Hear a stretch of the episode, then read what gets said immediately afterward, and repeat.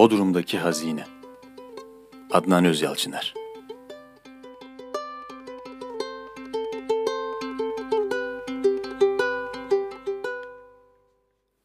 Babam iyi bir demir ustasıydı. Demiri saatlerce harlı ateşin içinde tutar, kepçe gibi büyük demir potalarda eritirdi. Akkor halinde dövülen, şerbet kıvamında eritilen demirden yeni yeni eşyalar, kullanışlı, yararlı nesneler yapardı.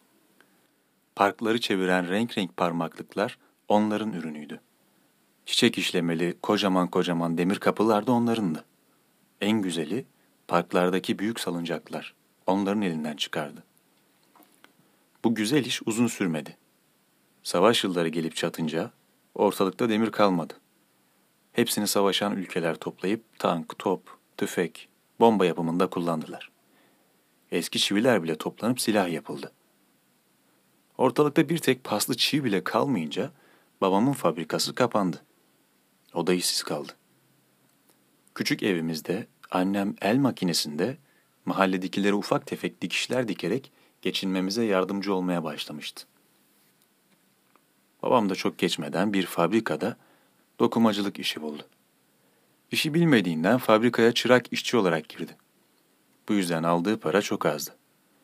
Annemin dikiş dikerek yardımcı olması da yetmiyordu. Savaş yıllarında her şey ateş pahasıydı. Okulda doğru dürüst defter kalem bulamıyorduk. Kalemin kurşunları sertti. Silik yazar, kağıdı yırtardı. Defterlerin kağıtları ise samandan beterdi. Renkleri neredeyse siyahtı. Çer çöpten yapıldığını söylüyorlardı. Silgi hiç yoktu. Çünkü bütün silgiler eritilip savaş için kamyon lastiği yapımında kullanılıyordu. Bir gün babam eve büyük bir sevinçle geldi. Elinde küçük küçük kese kağıtları, gazete kağıdından fişekler vardı. Kız kardeşimle ben önce leblebi çekirdek sandık. Elinden almak istedik vermedi. Bunlar tohum. Bahçeye ekeceğiz dedi. Biz yüzüne şaşkın şaşkın bakarken annem efendi ne tohumu ne bahçesi diye kızdı. Basbayağı tohum işte. Bildiğin sebze tohumu. Ispanak, lahana, pırasa, havuç hepsinden var. Karnımızı bedavadan doyurmak için. Yazın da biber, domates, fasulye, patlıcan eker, gül gibi geçinir gideriz. Nane maydanoz ekmeği de unutma. Efendi bunların yetişip bizi doyuracak hale gelmeleri günler aylar alır. Hem ektiğin yerde de dediklerin yetişir mi bakalım? Neden yetişmesin? Bahçe dediğin bir avuç yer. Güneş üstünden geçip giderken alttaki toprağa değmiyor bile. Annem doğru söylüyordu. Evin arkasında küçücük bir bahçemiz vardı. Hep karanlık olurdu. İçinde bir erik ağacı vardı. O da cılız mı cılızdı. Ağaç ekşi mi ekşi erikler verirdi. Yeşilken yolunmazsa üst dallarda kalanlar güneşi görünce sararır, tatlılaşırdı. Annem de onları toplar, hoşaf yapardı. Bahçeden elde edebildiğimiz tek gelir o pırtlak eriklerdi. Yoksa bahçenin toprağı hep nemli olduğundan solucanla doluydu. Orada oynamazdık bile. Sokak daha güneşli olduğundan sokağa çıkardık. Bütün bunları babama anlatmak olanaksızdı. O kafasına koymuştu bir kez. Beş kuruş harcamadan bahçedeki sebzelerle bizi doyuracak, daha sonra bahçeye bitişik arsayı da bostan haline getirecek, çıkardığı ürünleri komşulara satıp para kazanmaya bile başlayacaktı. Ertesi gün pazardı. Bütün aile bahçede toplandık. İlk kazma toprağa vuruldu. Nemli toprağın altından kıvıl kıvıl solucanlar çıktıysa da babam aldırmadı. Bir daha vurdu kazmayı. Bu kez alttan kiremit parçaları çıkmaya başladı. İkinci, üçüncü kiremit parçasında babamın gözleri parladı. Heyecanla, ''Burada hazine var çocuklar.'' dedi. Kiremit parçalarını eline aldı. Bunlar kırılan altın dolu küpün parçaları. O zaman altınlar da burada. Babam kikir kikir gülerek ellerini birbirine sürttü. Kız kardeşimle ben birbirimize sarılarak ''Yaşasın, zengin olduk!'' diye bağırıştık. Cılız erik ağacının çevresinde döndük. Babam sessiz olmamız gerektiğini öğütledi. Onun da heyecandan içi içine sığmıyor ama belli etmek istemiyordu.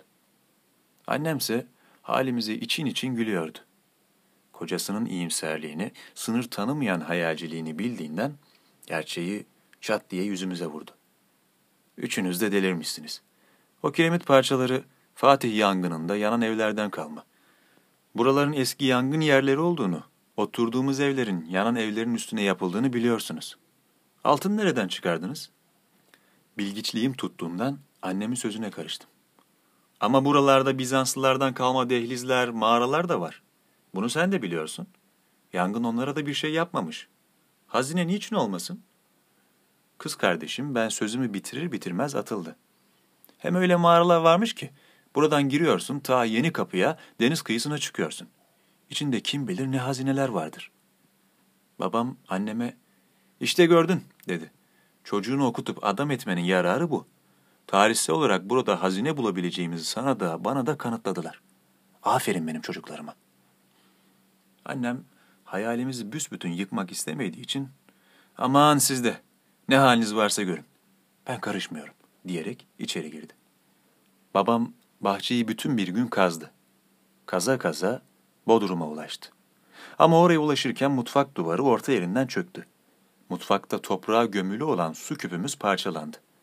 Babam Bodrum'u hızla kazıyor, Bodrum'daki çukuru doldurmadan derinleştiriyordu.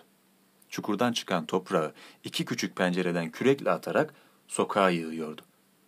Soranlara da Bodrum'u düzelttiğini söylüyordu. Bir süre sonra sokaktaki çocuklar toprak tepeciklerini karıştırmaya, üstünde oyun oynamaya başladılar. Tüneller açıyor, topraktan evler, kentler kuruyorlardı. Akşam oldu. Sokak lambaları yandı. Çocuklar hala toprakla oynuyordu. Bir ara toprağı en çok karıştıran çocuklardan birinin ''Para buldum, para!'' diye bağırması üzerine babam Bodrum'dan kan ter içinde fırladı. Sokak lambasının altındaki çocuk ışıkta parayı evirip çeviriyordu. Babam çocuğun üstüne atılarak ''Ver bakayım altınımı'' deyip parayı bir anda kaptı. Çocuk lambanın altına çöküp ağlamaya başladı. Babam paraya baktı. Küflenmiş nikel bir onluktu bu. Dudak bükerek parayı çocuğa verdi. Çocuk sustu. Doğrusu büyüklüğü bir altın kadardı. Herkes kanabilirdi. Düşüne düşüne Bodrum'a indi. Babam Bodrum'u gene kazdı. Çıkan toprağı sokağa yığdı. Toprağı karıştıran çocuklar başka mahallelerden gelenlerle birlikte gece karanlığında birkaç nikel onlukla bir iki küçük bakır ufaklık daha buldular. Kız kardeşimle ben de buldum. Öteki çocuklar gibi biz de bakkala koşup leblebi çekirdek, kuş lokumu, akide şekeri, karamele aldık. Bodrum'dan çıkan hazine bu kadarla kaldı. Onları da daha önce biz, kız kardeşimle ikimiz, yukarıdaki odanın tahtı aralarından düşürmüş, karanlık Bodrum'da yitirmiştik. Şimdi buluyorduk. Evi baştan aşağıya kazdıktan, delik deşik ettikten sonra. Zaten babam da hazine uğruna her yanı alt üst olan evi yeniden düzenleyip onarmaya yanaşmadı. Olduğu gibi sattı. Biz de kiracı olarak başka mahalleye taşındık.